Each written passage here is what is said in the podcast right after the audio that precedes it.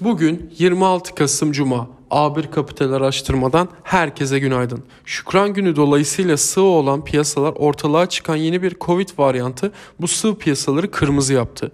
Güney Afrikalı bilim adamları B11529 kodlu yeni bir koronavirüs varyantını tespit edip bu varyantı hem Botswana'da hem de Hong Kong'da görülünce Asya borsaları bu yeni ve muhtemelen aşıya dirençli koronavirüs çeşidinden dolayı yatırımcıların bono, yen ve dolara yönelmesiyle 2 ayın en sert düşüşünü yaşadı. İngilizler bunun bugüne kadarki en önemli varyant olduğunu, aşılara direnebileceğinden endişe ettiklerinden hemen Güney Afrika ve Afrika'daki diğer 5 ülkeye İngiltere'ye yapılacak uçuşları geçici olarak durdurduklarını açıkladı. Merkez bankalarına dönecek olursak Avrupa, Japonya ve başka yerlerdeki merkez bankaları daha güvercin duruşlarına bağlı kalırken giderek şahinleşen Fed'in 2022'de 3'e kadar faiz antırımı fiyatlaması yapılmaya devam ediyor.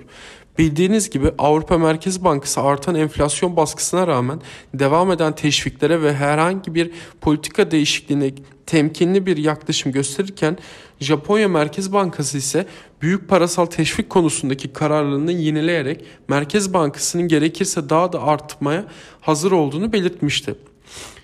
Merkez Bankası Başkanı bankacılarla yapılan görüşmesinin ardından bu toplantının önceden planlanmış rutin bir toplantı olduğunu karşılıklı görüş alışverişinde bulunduklarını söyledi.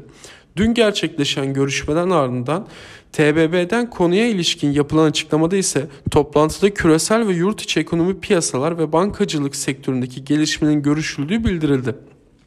Çeşitli kaynaklara göre ise TCMB Başkanı cari dengenin fazlaya dönmesine müteakip enflasyonun da düşeceği konusundaki görüşlerini bildirirken Türkiye'yi kısır bir döngüde bırakan yüksek faiz ve cari açık veren tüketime dayalı büyüme modelinin artık yerini düşük faiz, yüksek istihdam ve üretime dayalı bir büyüme modeline bırakacağını net olarak ifade ettiğini kaydedildi.